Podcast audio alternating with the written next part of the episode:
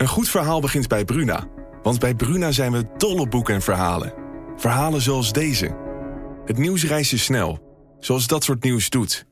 Ik wist dat het ook over jou ging, zodra het eerste bericht uit Parijs kwam. Bijna zes jaar geleden nu. Op een vrijdag de dertiende. Een datum als een slechte grap. Jij was er ook, Flo. En op jouw profiel bleef het stil. Wil jij weten hoe dit afloopt? Je leest het in Luister van Sascha Bronwasser. Nu bij Bruna. Dit programma wordt mede mogelijk gemaakt door Toto.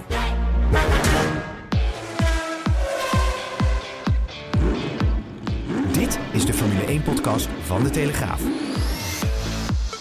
Erik van Haren en Christian Albers praten hierbij over het belangrijkste Formule 1-nieuws. Ja, Chris, daar zijn we dan. Even, maar dat lag uh, aan mij of eigenlijk aan mijn uh, luchtvaartmaatschappij. Zoals jij, uh, jij hebt eerder dit jaar natuurlijk ook al eens een keer een rant gehad hè, tijdens de podcast, maar nu ben ik aan de beurt. Maar goed dat we elkaar op deze manier kunnen spreken. Maar ik zit nog in Milaan en jij zit lekker in het zonnetje. Ja, maar wel, je hebt een kantoor, dus ja. Ja, oh, je deed net het raam verdicht. Ja. Nou, ik deed de schuifpui ietsje dicht, maar dat maakte heel veel lawaai, hoorde dat? Ja. Helemaal. Maar ja, welke vliegtuig... Uh, hallo allemaal, goeie, goeiedag. Uh, welke vliegtuigmaatschappij vlieg je? KLM en ik zou om uh, ah, half zeven, of uh, kwart voor zeven morgen vliegen. Ja. Dus ik had een, een vlieg, uh, of een, een, hotel bij de luchthaven hier en ik had om half vijf de wekker gezet. En toen keek ik op mijn telefoon, toen zag ik dat door technische problemen mijn vlucht was ge, ja, vertraagd tot minimaal twee uur vanmiddag. En toen heb ik gelijk KLM gebeld. En ik zei, ik zag dat er om tien voor elf nog een vlucht was. Dus daar ben ik gelijk opgezet. Dus dat is wel netjes. Maar ja, dan zit ik hier op de, op de grond tegen de muur aan. Want ik moest een beetje rustig plekje opzoeken. Maar het is, uh, het is weer gelukt. Ah, Oké, okay, maar dan hebben ze nu wel echt een probleem. En daar kan natuurlijk niemand wat aan doen. Maar wat ze ook heel veel doen de laatste tijd... is gewoon echt vluchten er tussenuit halen. En die boek je dan. En dat vind ik echt niet oké. Okay. Dus die boek je... En dan beslissen ze gewoon van oké, okay, luister, dus we doen in plaats van vier vluchten, dan gaan we er gewoon in één keer met twee of drie doen. Ja, en dan sta je daar. Want dat, dat had ik de laatste keer. Dat vond ik, was ik echt niet amused. Want Op de dag zelf? Ja, mijn zoontje, ja, mijn zoontje kreeg een diploma-uitreiking. En, je, en dan plan je eigenlijk alles een beetje op het laatste moment. Wat ook wel risky is natuurlijk. begrijp ik ook wel. Nou, tenminste, ik had nog vier, vijf uur over. Uh, dat ik op tijd aan zou komen. Maar dan beslissen ze gewoon dat ze gewoon één vlucht minder gaan doen. Weet je? Want dat weten ze natuurlijk ook al op de zondag als je op de maandag vliegt. En dan weten ze ook op de zaterdag dat ze dat bedenken. Dan gaan ze niet op maandagochtend doen om negen uur. Gaan ze niet die beslissing nemen als je vlucht om tien uur is. En dan kan je geen kam meer op. En dat vind ik echt niet oké. Weet je, ik vind het oké als, als, kijk, als er een probleem is, dan kan niemand wat aan doen. En de, het gaat, de veiligheid staat uh, voorop. En dat, daar heb ik ook absoluut geen probleem mee. Maar ik heb echt problemen ermee dat ze gewoon al van tevoren weten dat ze gewoon een vlucht eruit gaan doen. En, dat gewoon, en dan gewoon twee dagen niks laten horen of een dag. Dat is niet oké. Nee, nee. Waarvan achter, dus als ik, en als ik wat haperend klink of wat slechter klinkt, dan weten jullie waar het komt. Um, ook nog even een melding van huishoudelijke aard. Want we hebben vorige week een prijsvraag gedaan. Heel veel reacties gekregen. De winnaar daarvan maken we over twee weken bekend. Hè, van het petje van uh, Max Verstappen. Uh, na de, ja, na de, in de volgende podcast, want ik heb geen idee wie ik. Uh, ik heb nog niks gezien, dus dat komt door vakanties en ziektes bij ons op de redactie, denk ik. maar ik begreep dat. Ik heb geen idee hoe ik je wat nu moet trekken, maar dat komt over twee weken. Maar als groepmakertje Erik, heb ik wel een... maken. Erik, dat kan je niet nee, maken. Als... Ik, ik, ik, geef net een genadeslag bij KLM. Ja, ik kan er niks Ga jij, Dan gaan wij amateuristisch gaan we nu ja, nee, als, pas als, over twee weken de uitslag komt. Als, als, als heb ik nog wel een mooie Alfa Romeo pet, uh, special edition, de Monza edition. Dus die geven we over twee weken oh. ook weg. Dus, uh, ah, super. Ja, dat, verzacht de pijn. Dat verzacht de pijn alweer. Dat is goed. Dat is goed teken. Nou, Chris, Max, Max, Max, Max Verstappen won. Dat is geen verrassing meer. Maar de tiende op rij. Dat is natuurlijk gewoon hoe je het verkeerd. Ook al heb je niks met record, statistieken, noem maar op. Maar het is natuurlijk wel een uniek moment in de Formule 1-historie. Ook in de Nederlandse sporthistorie. Kijk jij er dan ook zo naar? Zit je dan ook nog met een speciaal gevoel voor de buis uh, zondag?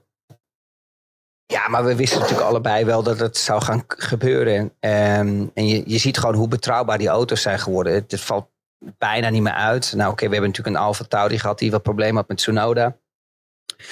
Maar als je gaat kijken, natuurlijk van het hele weekend zie je natuurlijk gewoon dat uh, Max gewoon eigenlijk in alle uh, snelle, of tenminste alle bochten, alle bochtenwerk gewoon uh, ja, de bovenhand had. En dat hij gewoon veel sneller was dan de rest.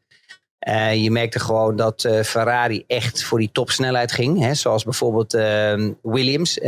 daar hadden ze veel van geleerd van vorig jaar. Dat hebben ze gezien, hoe dat werkte.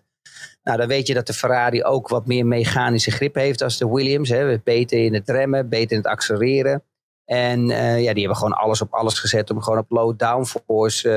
ja, die hebben gewoon al een kaart erop gezet. En dat werkte bij Sainz. En dat werkte ietsje minder bij, bij Leclerc.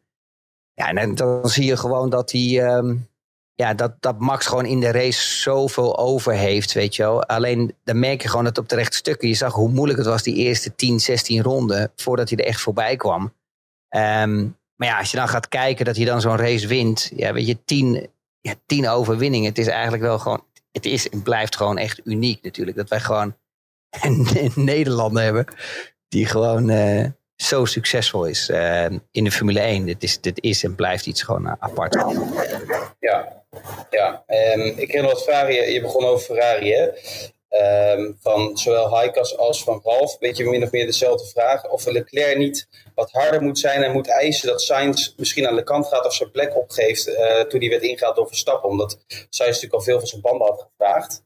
Uh, uiteindelijk wordt Sainz natuurlijk gewoon derde hè, voor, voor Leclerc. Maar denk je dat Leclerc anders wat meer de druk erop had kunnen zetten bij bijvoorbeeld een Perez in ieder geval?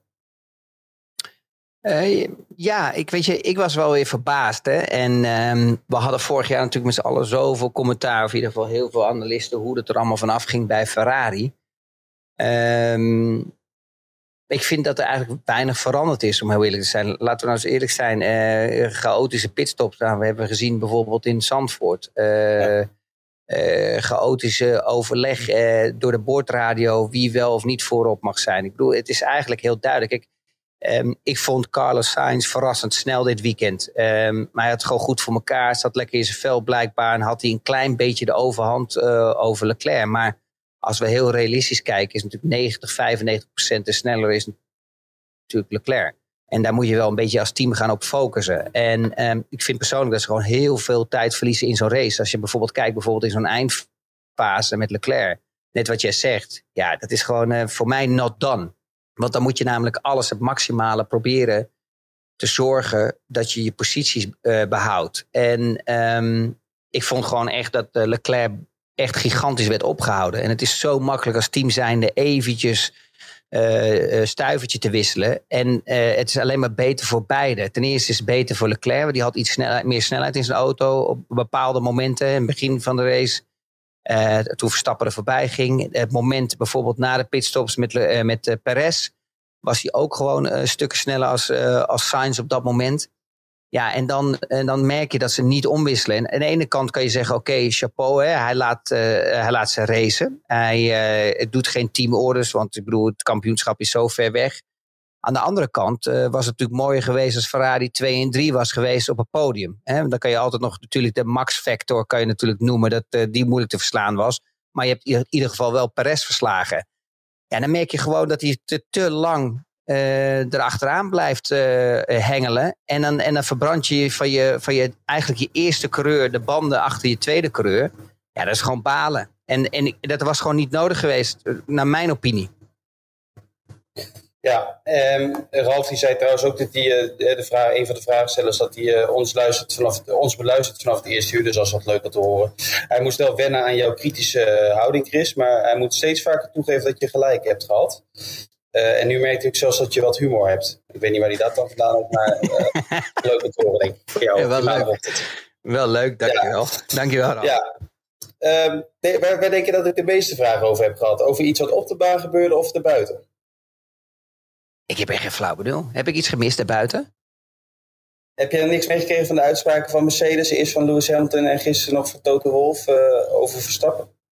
Nee, Helemaal niks meegekregen. Nee, ik zal je vertellen. Ja, ik kon, uh, ik kon niet mijn zender kijken. Dus ik, ik heb er helemaal niks van, uh, ik heb er niks van, uh, van meegemaakt. Ja, maar uh, telegraaf.nl of zo, dat, dat, dat sla je gewoon Nee, ik ben, een beetje, ik ben een beetje klaar met jouw verhalen. Dus ik heb dat altijd wel. Zo'n periode waar je gewoon even een maandje even niks wilt lezen voor jou. En dan hap, dan ga je weer. En dat, ja, dus die zomerstop, die zat er nog steeds. Ja, dat had je in principe de zomerstop kunnen doen, wou ik zeggen. Ja, maar, maar, vertel, vertel, vertel. Nou ja, kijk, Hamilton die gaf een beetje een sneertje aan Verstappen door te zeggen dat hij altijd veel betere teamgenoten heeft gehad dan Verstappen heeft gehad. Um, nou, daar reageerde Verstappen zaterdag bij ons bij de Nederlandse pers uh, op zijn uh, wijze op van ja, misschien is Hamilton een beetje jaloers. Want Mercedes zijn ze toch altijd nog een beetje aan het, aan het prikken. En zondag na de race zei Toto Wolff, uh, die werd natuurlijk ook weer gevraagd naar het record van Verstappen. Zei ja, ja, records, dat is eigenlijk, daar, daar ben ik niet in geïnteresseerd. Dat is leuk voor Wikipedia, maar dat leest toch niemand snapte niet wat hij daarmee bedoelde. Want volgens mij leest Wikipedia, wordt juist heel veel mensen gelezen. Maar uh, het komt allemaal een beetje. Ik moet wel eerlijk bij zeggen, Toto is vaak ook heel positief over Verstappen. Ik was vorige week, heb ik ook nog even gesproken in, uh, in Zandvoort op zaterdagavond. Alleen die sneertjes om de, tussendoor, dat is wat mij betreft niet nodig. Moet ik zeggen dat het ook andersom ook wel is gebeurd. Hè? Dus komt die haat en nijd tussen Mercedes en Bull, dat, dat is toch nog steeds enorm uh, aan de hand. wat vind jij ervan? Ja, daar zit zoveel haat en nijd van beide kanten. Dat is ongelooflijk. En ik dacht eigenlijk dat het er niet was. Maar ik was continu weer van... Hé, hey, je hebt een klein kind op de achtergrond. Heb je, je, kind, heb je, heb je de hele family meegenomen? Heb je het over? Ik hoor allemaal geluiden op de achtergrond. Kinderen. Ja, dat, ja, dat heb je als je op een vlieg, uh, vliegveld zit, uh, ergens uh, rock en roll oh. in de hoek. Moeten, die kinderen, moeten die kinderen in de school op 4 september op maandagochtend? nou, ik vraag me de Italianen sowieso af. Als je elf uur s'avonds bij een restaurant zit, zie je al die kinderen ook nog rondlopen. Of die überhaupt echt een keer slapen. Maar goed, ja, is ga door. Maar oké, okay, om, om, terug te komen. Nee, um, het verbaasde mij ook in Zandvoort, toen ik bij beide teams ook was en met wat mensen had gesproken dat daar nog zoveel haat en nijd zit. Het is ongelooflijk. Die kunnen dat bijna niet loslaten van het seizoen in 2021, wat zo gespannen was, waar alles op alles werd gezet om, om ja, zowel uh, Red Bull hun, hun coureurkampioen te worden, zowel uh, Mercedes hun coureurkampioen te laten worden. En dat zit blijkbaar nog zo ongelooflijk. Um, ja, daar zit zo'n haat. Het is ongelooflijk. Ik kan me gewoon niet voorstellen. Maar dat is er nog steeds. Die, dat, weet je wel, dat, dat gevecht wat er nog tussen die beiden is. En, en kijk, net wat jij zegt, weet je wel, Red Bull die doet daar ook in mee. Kijk, die dokter Marco, die horen we niet vaak. Maar als je die hoort op de Duitse televisie en op de Oostenrijkse televisie, worden we er ook niet echt vrolijk van. Die blijft maar lekker prikken met het mesje van hem. En, ja, um, ja nee, nee, ik, ik, moet wel zeggen, zo van Toto en van Hamilton, om het dan in zo'n weekend dan weer eh, toch niet te kunnen laten. Hè, dan denk ik, joh, je weet dat er weer headlines van komen, hè, dat, dat is ook logisch. Uh, maar uh, echt gepast vind ik het niet. In zo'n weekend nou ja, dat weet je, het is, maar de, Ja, maar Erik, het is wel de realiteit. Laten we eerlijk zijn, de Perez komt er gewoon niet bij. En um, de enige die gewoon in, in, daarbij in, ja, in het vaarwater kan komen van, uh, van Max zou bijvoorbeeld een Lewis zijn, zou een, Norris zijn, zou een Russell zijn. Uh, ja, en misschien een Leclerc. Kijk, dan, dan heb je wel een hele andere situatie. Dan moet ik nog steeds zeggen dat ik denk dat natuurlijk dat uh, Max nog steeds de bovenhand heeft. Dus dat gaat waarschijnlijk weinig veranderen. Maar jij weet net zo goed als ik, als een coureur veel meer druk uh, erop krijgt, hè, dan bezwijk je soms wel. Ja, en dan heb, je, dan, dan heb je wel eens een probleem. En, en dan, dan merk je in een qualifying dat er veel meer druk op je staat. En dan is de vraag natuurlijk of je nog wel dezelfde prestaties boekt. Dus aan de ene kant, kijk, weet je, het is, die coureurs zijn er natuurlijk om elkaar ook wakker te houden. En eh, ik kan me best voorstellen als jij een heel seizoen rijdt, waar je zevenvoudig wereldkampioen bent en je, waar je op een macht was met een auto, dat je redelijk gefrustreerd raakt. Natuurlijk als gewoon een ander team continu maar gewoon de beste blijft. En als je ook geen vooruitzicht hebt dat de auto beter wordt dit seizoen, ja, dan kan ik me best voorstellen dat die twee nog wel eens een sneertje naar elkaar mogen geven. Maar eh, de realiteit is wel dat hij wel gelijk heeft. Ik bedoel, als je gaat kijken bijvoorbeeld naar Bottas. Bottas was wel een goede qualifier. Ik weet niet wat er de laatste tijd is gebeurd met Bottas. Maar dat is natuurlijk echt gewoon dramatisch uh, hoe die iets doet. Ik, ik vind dat Joe, Joe het beter doet als Bottas. Uh, dat is voor mijn opinie.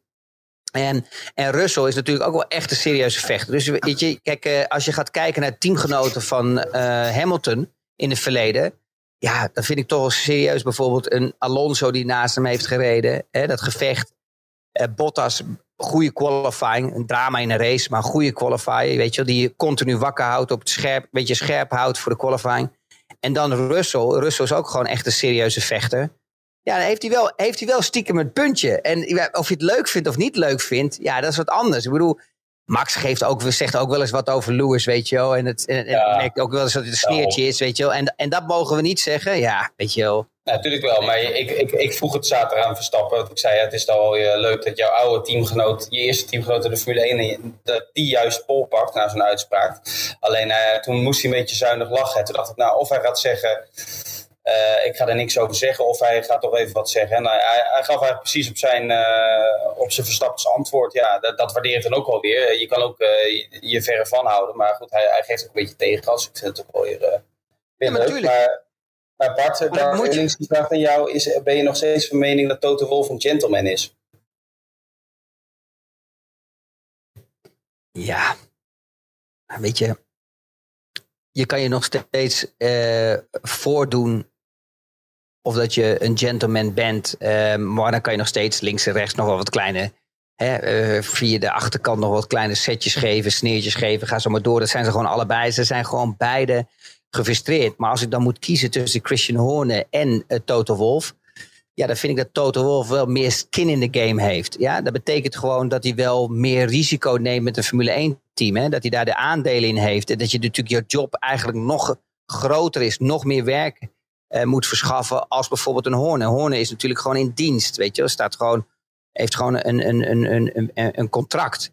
eh, waar hij alleen maar eh, aan het team kan werken. Dat is natuurlijk gewoon wel een, een andere wereld. Hè? Ik bedoel, Toto moet en aan het team werken. Ja, beslissingen nemen. Maar ook is hij natuurlijk eigenaar van het team. Dus hij moet ook nog het team zo sturen dat hij natuurlijk wel ehm, ja, in de Formule 1 kan blijven. En dat hij de juiste keuzes ook maakt. En dat is voor, en dat is voor Christian Horner wat makkelijker, omdat hij alleen maar één job heeft. Dus gewoon alleen maar team te runnen. En ja, dus het is wel gewoon een andere verhouding. Ik vind gewoon persoonlijk, eh, eh, vind ik de manier waarop eh Toto Wolff interviews ingaat en hoe die politiek gezien een beetje probeert te drukken. En ik zie daar, ik zie daar wat meer in natuurlijk. Hè, hoe die probeert te, bepaalde antwoorden te forceren, bepaalde beslissingen te forceren via goed politiek alles te spelen. Vind ik hem eh, ja, meer clever als bijvoorbeeld een Horner. Een Horner kan wel eens gewoon uit zijn slof schieten. En dat maakt het gelijk een beetje onprofessioneel soms. En dat zie je ook in zijn nek. Weet je, er wordt helemaal rood. En ja, daar begint hij om zich heen te staan. ook? Ja, natuurlijk. Nee, ook wel. Ook wel. Maar het zijn natuurlijk alleen maar een paar van die momenten die bij mijn Netflix waren. Ik heb ze niet gezien, maar ik heb wel natuurlijk wel die stukjes gezien. Maar Nee, maar eh, ik, moet, ik denk dat we het allebei mee eens zijn dat we eh, Wolf in de omgang, als je tegenkomt, dat we hem eh, aardig vinden. Je weet nooit of het allemaal echt is. Eh Horner had trouwens vlak een half uurtje voor de race ook nog tijd om mee te spelen in een scène in die eh, Brad Pitt film. Dus dat is ook weer gewoon op de grid. Dat is ook weer typisch 1 dat dat gewoon kan, hè? Gewoon dat het, in het voetbal zo zou je dat toch niet zien. Dat de trainer van Real Madrid eh, een half uur voor eh, het begin van de Champions League wedstrijd eh, nog even meespeelt in een film. Ja, Horner die, die eh, stond trouwens half uur voor de, voor de start van de race, of de oorspronkelijke start van de race, ook nog gewoon eh, even mee te spelen in een scène voor die eh, Brad Pitt film. Dat is eigenlijk ook ongelooflijk. Dat is ook een typisch Formule 1. Dat, dat kun je toch niet voorstellen dat de trainer van Real Madrid bijvoorbeeld een half uur voor een Champions League wedstrijd nog even een, eh, als een acteur daar eh, rondloopt. Maar ik denk niet dat Horner eh, heel erg overtuigd moest worden om mee te spelen voor een rolletje. Wat denk jij? dat is een goede vraag. Die ga ik niet beantwoorden. Dan weet je zelf wel het antwoord. Maar ik vind, ik vind het zo heb geen zin dat ik leuk- elke keer onder die bus wordt geduwd voor jou. Nee, maar ik vind het ook wel een leuk beeld, weet je wel. Dat je gewoon een half uur voor zo'n race... Kijk, alles staat natuurlijk klaar. En de teambaas geeft ook interviews. Hè, dus ook niet dat hij dan heel iets nog belangrijks moet doen. Dus het was zo'n leuk beeld. Hij moest dan een, een teamlid van, die, van dat fictieve team, van die film... moest hij dan wegsturen omdat hij bij de auto stond te kijken van Verstappen. En die moest hij dan net doen of hij hem wegstuurde, weet je wel. Dan moest dan ook nog een paar keer over. Ja, vond het wel een grappig beeld. Maar goed... Ehm, Maar, heb jij, maar, ze hebben zelf, maar ze hebben zelf ook gemerkt natuurlijk. Kijk, de, de, de- hun grootste markt die, waar ze nu mee bezig zijn is echt alleen maar Amerika. Ja. Want daar zitten gewoon de, de, de kijkers en daar zit ook het geld. En daarvoor zijn ze daar ook helemaal op gefocust. Dat zie je ook aan de, aan de tijden natuurlijk waar de race nu plaatsvindt. Het wordt steeds ietsje later. Dat komt omdat gewoon Amerika er wakker wordt. En dat Netflix, het heeft er gewoon gigantisch bij geholpen. Dat Netflix is gewoon echt een succesformule geworden. En dat heeft ervoor Ja, gezorgd ook dat al die andere races nu komen. Je ziet dat, eh, dat heb ik eerder ook al gezegd, in, in ieder geval in mei was het zo dat de laatste 25 sponsordeals die Red Bull heeft gesloten, 20 daarvan waren Amerikaanse partijen. Dus dat zegt natuurlijk veel. Ja, Ja, en dan moeten we nog naar, voor de eerste keer naar Las Vegas gaan later dit jaar. Ehm, ja, wat vond je van de race? Want we hebben in ieder geval, ik had wel zoiets van, natuurlijk werd Sainz geholpen door die topsnelheid uh, van de Ferrari, maar hij liet wel uh, zien dat hij toch wel wat uh, ballen of ja, cojones heeft in het Spaans. Um, eigenlijk hebben we dat de laatste weken niet echt gezien, of de laatste maanden, dat veel coureurs, als ze bijvoorbeeld voor Verstappen stonden of bij hem in de buurt stonden, toch zich snel overgaven, omdat ze hun eigen race niet wilden vergooien op die manier. Nee, hij heeft een geweldige race gereden. Um, kijk, op een gegeven moment vroeg hij gewoon te veel van zijn banden, waardoor hij dus ja, gewoon als, uh, ja, in elkaar zakte, de, de, de, de prestaties. Maar gewoon het gevecht in de beginfase van de race was, was uh, natuurlijk geweldig. Um, als je gaat bekijken hoeveel rondes die eigenlijk Max opgehouden heeft. Ja, en dan eigenlijk toch een klein ja, een blokkerend wiel. Wat heeft ervoor gezorgd dat hij natuurlijk te wijd uitkwam in, in de chicane in de eerste bocht. Dat hij zich niet zelf goed kon opleiden in de tweede bocht om uit te accelereren. Want dan maak je die bocht eigenlijk heel ja, krap, eigenlijk scherp. Waardoor je niet kan rollen. En je hebt geen rolmoment meer. Ja, dan merk je gewoon dat Max er gelijk, ja, weet je, gewoon daarop focust op die, op die exit. En dat hij hem wel goed oplijnt. Ja, dan merk je dat hij er gelijk naast zit. Ja, en dan kan hij, en dan kan hij het gewoon, uh, dan kan hij hem gewoon eruit remmen. Maar op zich, ja, chapeau voor, voor, voor Carlos. Hoe lang hij dat vol heeft gehouden. Jammer dat hij, dat hij niet nog langer vol kan houden. En waar ik wel een beetje van baalde, was gewoon die aansluiting van Leclerc. Ik weet, ik weet nou niet gewoon wat de tactiek was van Leclerc. Hè. Kon hij het gewoon niet bijhouden? Of waren er gewoon momenten waar het team zei van je moet banden sparen? Ik weet niet precies hoe of wat. En, en dat was wel gewoon jammer. Want als bijvoorbeeld uh, uh, Sainz het nog iets langer vol kon houden, dan kon je natuurlijk iets met strategie doen. Hè? Met de undercut en al dat soort dingen allemaal. En dan kon je er weer veel voorkomen. Dan hadden ze bijvoorbeeld Leclerc er weer voor kunnen laten komen uh, na de stop. Hè? En dan hadden ze geforceerd ook Max naar binnen moeten brengen. En dan, dan had je wel ook weer een hele andere race gehad. Weet je? Dan kom je meer in die, in die tweede fase van de race, waar je met tactiek iets kan doen. Ja, en dat merk je gewoon dat dat weer niet lukte. En dan, en dan op een gegeven moment, dan krijg je weer eigenlijk het, ja, een beetje een rommeltje in het team. En dat is dus gewoon niet beter geworden. Dan krijg je het moment dat Max er voorbij gaat. En we hebben het net eigenlijk ook over gehad. Dan merk je gewoon dat die communicatie er daar weer niet is. Omdat gewoon iemand geen beslissing neemt. En dan kan je zeggen, ja, ze kunnen lekker racen. Ja, dat racen, dat kan je straks ook nog doen. Aan het eind van de wedstrijd kan je de plaats weer teruggeven. Maar dan moet je gewoon het maximale uit de prestaties halen. En als je dan een mogelijkheid hebt, omdat Perez nog ver achter ligt, om tweede en derde te worden. En met elkaar, elkaar op te trekken met die DRS open. Dan had je misschien de mogelijkheid gehad dat natuurlijk Perez wat langer nodig had gehad om bij die twee te komen. En wat gebeurt als je langer nodig hebt, meer rondes nodig hebt? Heb je ook meer slijtage op de banden. Dat betekent ook dat hij iets minder sterk is. En, dat, en, daar, en daar, dat vond ik wel gewoon jammer. Daar baal ik wel van. En, en dan, dan vraag ik mezelf af, wat is de, het voordeel van de wissel? En natuurlijk heb je als uh, teambaas meer tijd nodig. Maar ik geloof gewoon niet dat dit nou gewoon de juiste stap is geweest. Maar ja, dit is typisch weer Ferrari. Als het resultaat slecht is, dan moet er een kop rollen. In plaats van te gaan werken aan de toekomst. En, en een beetje meer een basis te creëren. En, en en hier blijf je gewoon alleen maar angst creëren naar zo'n team. Dat als het niet goed gaat, dat je eruit gedonderstraald wordt. Ja, uh, het, waren, in ieder geval mooi gevecht, ook met Perez uh, daarvoor. Um, ook een aardig gevecht was natuurlijk Hamilton tegen Piastri. En Edwin vraagt, ja, is een tijdstraf eigenlijk in veel gevallen niet de verkeerde straf? Kun je niet beter een positiestraf geven? Uh, dus bijvoorbeeld een aanrijding veroorzaakt drie posities terug in de uitslag. Nu krijgt Hamilton een tijdstraf van vijf seconden die hem uiteindelijk totaal geen pijn doet. Ja, en het was gewoon echt duidelijk een fout van uh, Lewis Hamilton. Weet je, dit zijn van die momenten waar je een klein beetje frustratie hebt in de auto. Omdat je al een paar keer geprobeerd hebt om er voorbij te komen. Dan word je er in principe bij de chicane een beetje afgeduwd. Dan raak je eh, als coureur zijn, ja, een beetje word je een heet hoofd als het ware. Je hebt een beetje agressie krijg je erbij. Een mix daarvan, van die twee.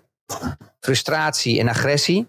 Ja, en die mix, die zorgt ervoor dat je eigenlijk dingen doet wat gewoon stom is. Want kijk, als je gaat bekijken aan het einde um, van de race. En je gaat kijken wat hij dan deed, weet je wel. En, in, en het uitremmen uh, bij bocht, uh, wat is het, vier volgens mij, aan mijn hoofd, hè, die chicane. Mm, die tweede, de tweede chicane, ja. ja. de tweede chicane. Ja, weet je, dan komt hij gewoon veel te veel, wil hij gewoon de ideale lijn pakken. En, en dan schat hij gewoon helemaal compleet verkeerd in. Het had ook fout af kunnen lopen. Hij had gewoon ook gelijk omgeswieperd kunnen worden. En met zijn neus gewoon frontaal de vangrail in kunnen gaan. En was het afgelopen geweest. Dus het was gewoon echt een fout.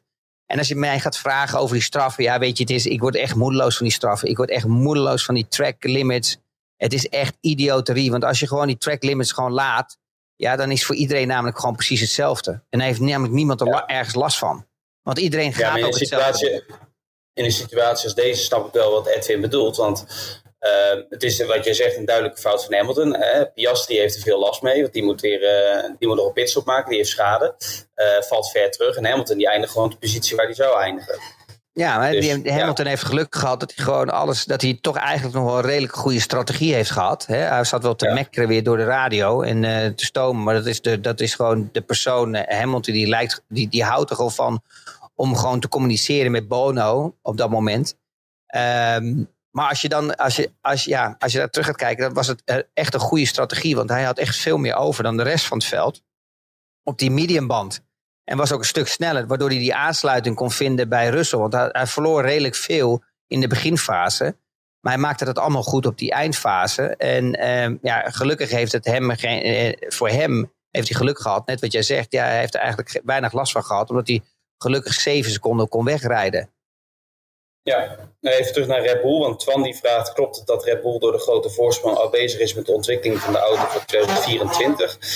Eh, nou ja, zeker. Dat zijn ze al een tijdje. Er komt in Singapore nog een laatste eh, pakket aan upgrades. Dus de volgende race. Dus een klein eh, pakket, dus een paar nieuwe onderdelen. Het zal niet heel veel zijn. Maar natuurlijk, daar ligt de focus al heel lang op het volgend jaar. Maar dat zal voor de meeste teams inmiddels wel gelden. Hè? Dus het is al september. En veel teams bij Ferrari hebben ze al aangekondigd dat ze het concept ook flink op de schop gaan gooien. Dus als je daar nu pas mee gaat beginnen, dan ben je veel te laat. Maar Red Bull heeft natuurlijk, wat Mercedes ook jarenlang heeft gehad, natuurlijk wel de luxe, die enorme voorsprong al vanaf het begin van het seizoen, dat ze al heel snel de focus hebben kunnen verleggen. Toch? Dat, is, eh, dat is luxe die je hebt dat je zo dominant bent. Ja, en je moet natuurlijk ook oppassen als Red Bull zijnde. Je wilt natuurlijk niet eh, al alles laten zien. Dus ehm, de vraag is natuurlijk, als je nou zo oppermachtig bent in zo'n eh, Formule 1 seizoen. Dan eh, wil je natuurlijk niet al al laten zien natuurlijk wat nog meer in de pijplijn zit. Want daar, kan, Nee. dat kan zo, ervoor zorgen natuurlijk dat de rest natuurlijk allemaal kan, eh, kan afkijken. En kan kijken hoe en wat eh, ze allemaal gedaan hebben. En welke filosofie ze hebben. Want ik noem het maar filosofie in plaats van gewoon stomweg te kopiëren. Want dat werkt vaak niet. Je, moet, Nee. je moet de filosofie begrijpen en snappen. Wil je zo'n snelle auto bouwen? En ehm, als, jij, als jij natuurlijk zo'n voorsprong hebt en je bent oppermachtig, waarom zou je dan nog met upgrades komen om te laten zien welke richting en welke kant je nog op kan gaan? Hè? Dan, dan, dan geef je eigenlijk te veel prijs. Dus ik persoonlijk denk dat zolang. Ik, ik, ik geloof, dat is, dat is mijn opinie. Ik geloof 100% dat daar al upgrades liggen. Die zijn allemaal al klaar. Die, die zit, liggen gewoon, gewoon in het magazijn. En die gaan ze pas brengen als ze gewoon voelen bij bepaalde races dat ze, het gewoon, ehm, dat ze gewoon ingehaald gaan worden. Of dat de, de concurrentie dichterbij komt. Om nog zoveel mogelijk races te winnen dit seizoen. Ehm, maar zolang natuurlijk gewoon de concurrentie nog die afstand heeft. eh, gaan ze dat niet op de auto zetten. Want ja, waarom zou je je, je geheimen laten zien? Ja, ja precies. Ehm, ja, wil je nog iets over deze race kwijt? Of gaan we alvast even vooruitkijken naar Singapore? Want daar krijg ik ook nog wat vragen over. Nou, waar ik verbaasd was, en dat, en dat, en dat vond ik eigenlijk wel positief voor Max eh, zijn, is natuurlijk als je gaat kijken in de, eh, de vorige races, de geschiedenis van het jaar 2022, eh, 21, 20, ga zo maar door, 19, zag je eigenlijk dat in P2, hè, de positie nummer 2, altijd, eh, uit geschiedenis, altijd een slechte start heeft gehad. Altijd. Dus omdat het daar natuurlijk gewoon vies is. Hè? De, daar rijdt niemand. Dus daar heb je gewoon wat meer stof, wat meer eh, viezigheid daar liggen.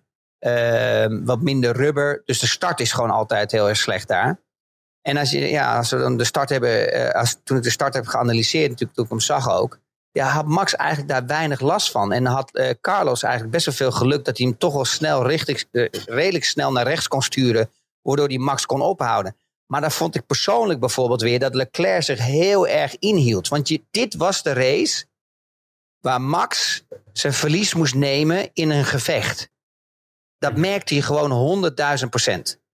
Dit was de eerste race, in, of misschien de tweede, in de geschiedenis dat ik gezien heb waar Max terughoudend was. Want dat heb je namelijk nooit bij hem. Nou, dat En is dit was onzin? mo- Nee, maar dat is, Dat, dat is echt zo. dat, dat, doet hij, dat doet hij dit jaar toch heel vaak? En vorig jaar ook, eh, dit jaar ook in Silverstone gezien. En, ehm, en nog, wat was ook weer met, eh, was het vorig seizoen met Russell en Hamilton? Of was dat begin dit jaar? Ik weet het niet eens uit mijn hoofd. Maar we zien nu toch juist bij heel veel races dat hij wat inhoudt. Omdat hij weet dat hij ze een paar rondes later, in dit geval eh, was het in de ronde 15, dat hij ze wel inhaalt. Dat, dit zien we toch juist heel vaak.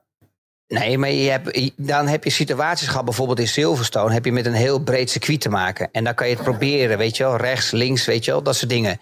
Maar hier zag je bijvoorbeeld echt, eh, ook met de situatie. Maar ook, daar, daar draait het niet om, want dat, dat is later met Carlos Sainz, dat ik merk gewoon dat hij daar heel voorzichtig is. Maar dat, weet, dat moeten de coureurs ook weten.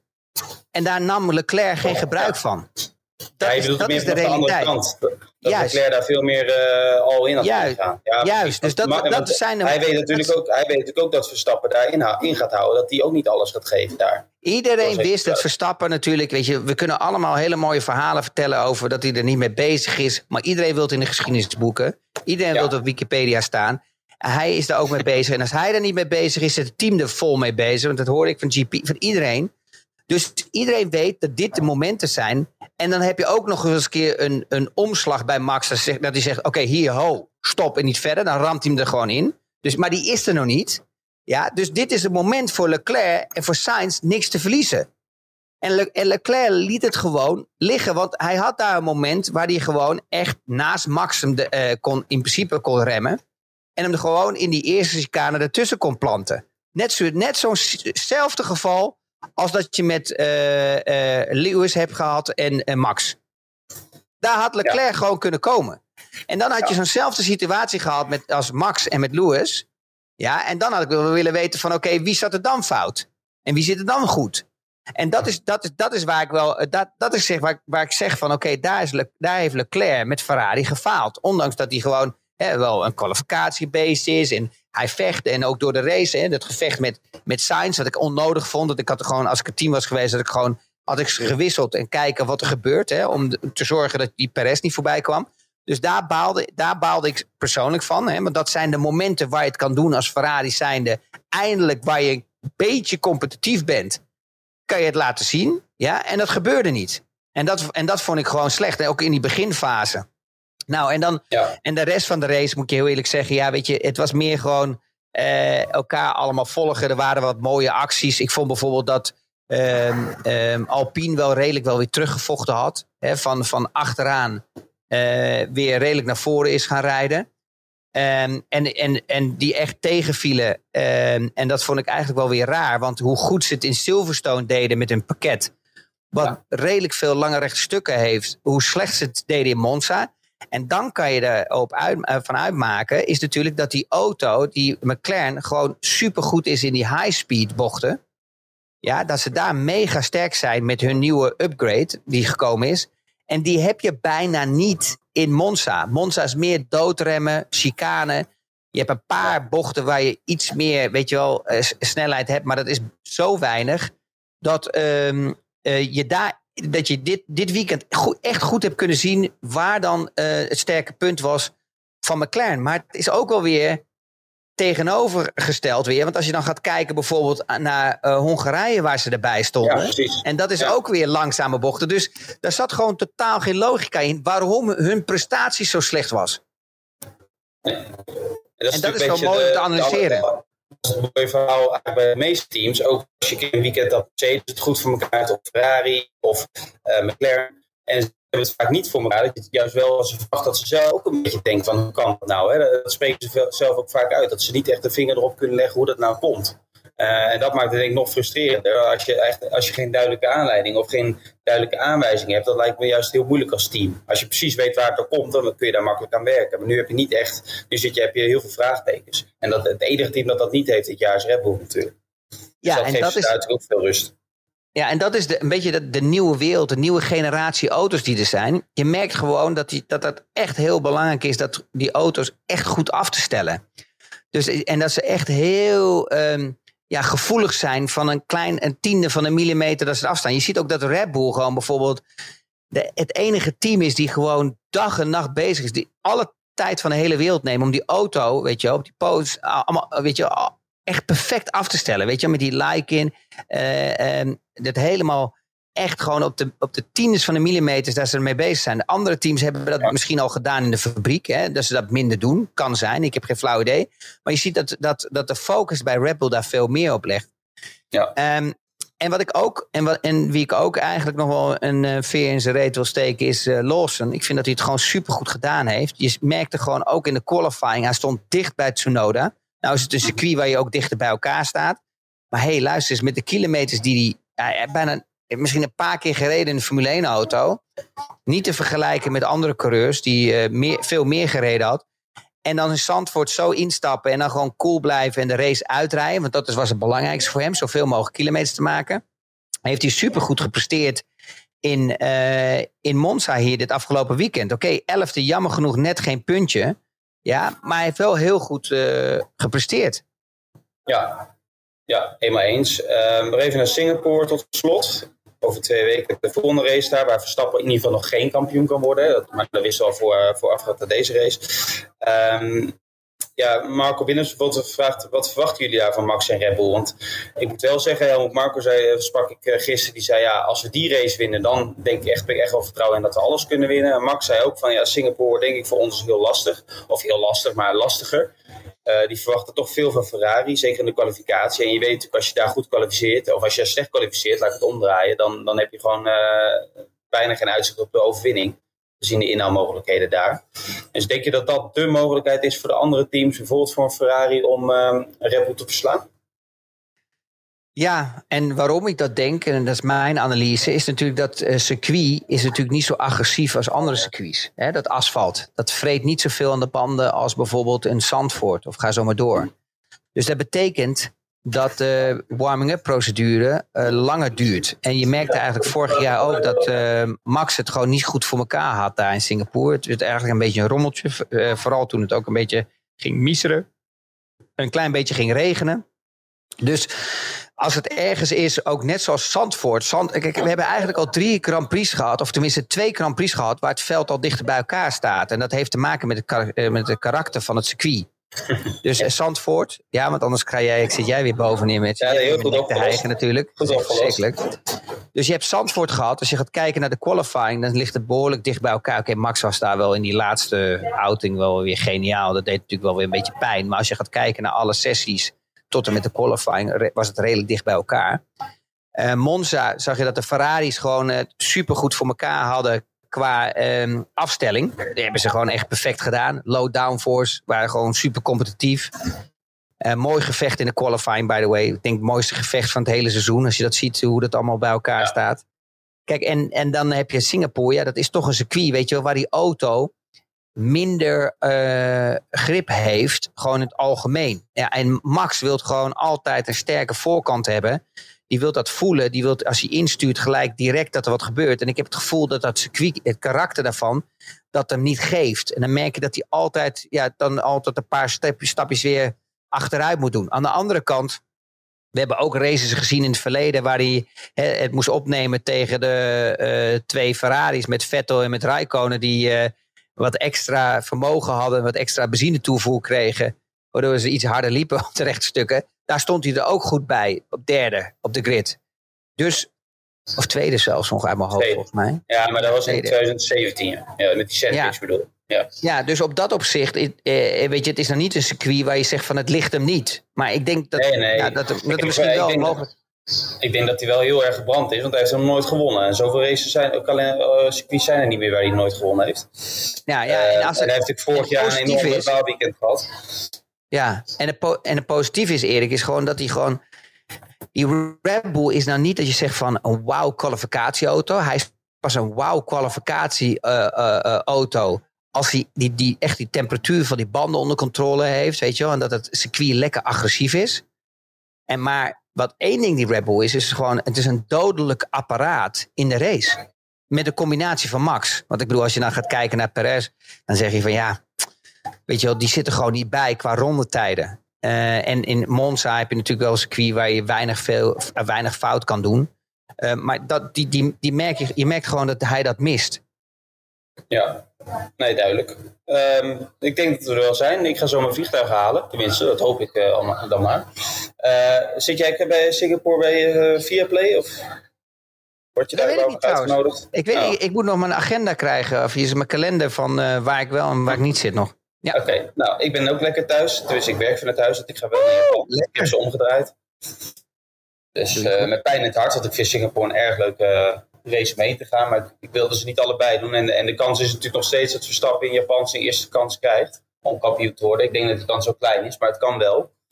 Dus dan wil ik daar toch wel bij zijn. Maar goed, het kan ook eh, pas in Qatar gebeuren of in Austin. Qatar zou het zelfs op zaterdag kunnen gebeuren met de sprintrace. Dat zal Max ook erg leuk vinden. Ja, is ook, dat is ook niet verkeerd dan, hè? Nou, Ik hoorde wel Ja. dat er extra mensen van Viaplay daar naartoe gaan dan. Dat hoorde ik wel, ja. ja, en in ieder geval in die race waar die kans heeft. En VA gaat niet naar Singapore en eh, Japan. Niet, niet commentatoren. Giel natuurlijk wel, en wat cameramensen, maar niet commentatoren. Ah, oké. Oké. Dus dan weet, je, dan weet je het ook weer. Stel dat je ze tegenkomt op de werkvloer, dan eh, ben je niet verrast. Chris, Ja, eh, bedankt, voor je, nee, bedankt voor je tijd. Jullie allemaal bedankt voor het luisteren. We- De, de, de Max pet nogmaals wordt over twee weken eh, verloot. Eh, nogmaals, eh, excuses voor onze professionele aanpak. En eh, we zijn er over twee weken weer dan naar de Prix van Singapore. Chris, eh, bedankt weer. Dankjewel luisteraars en Erik, goede vlucht jongen. Jo, dankjewel. Dit programma werd mede mogelijk gemaakt door Toto.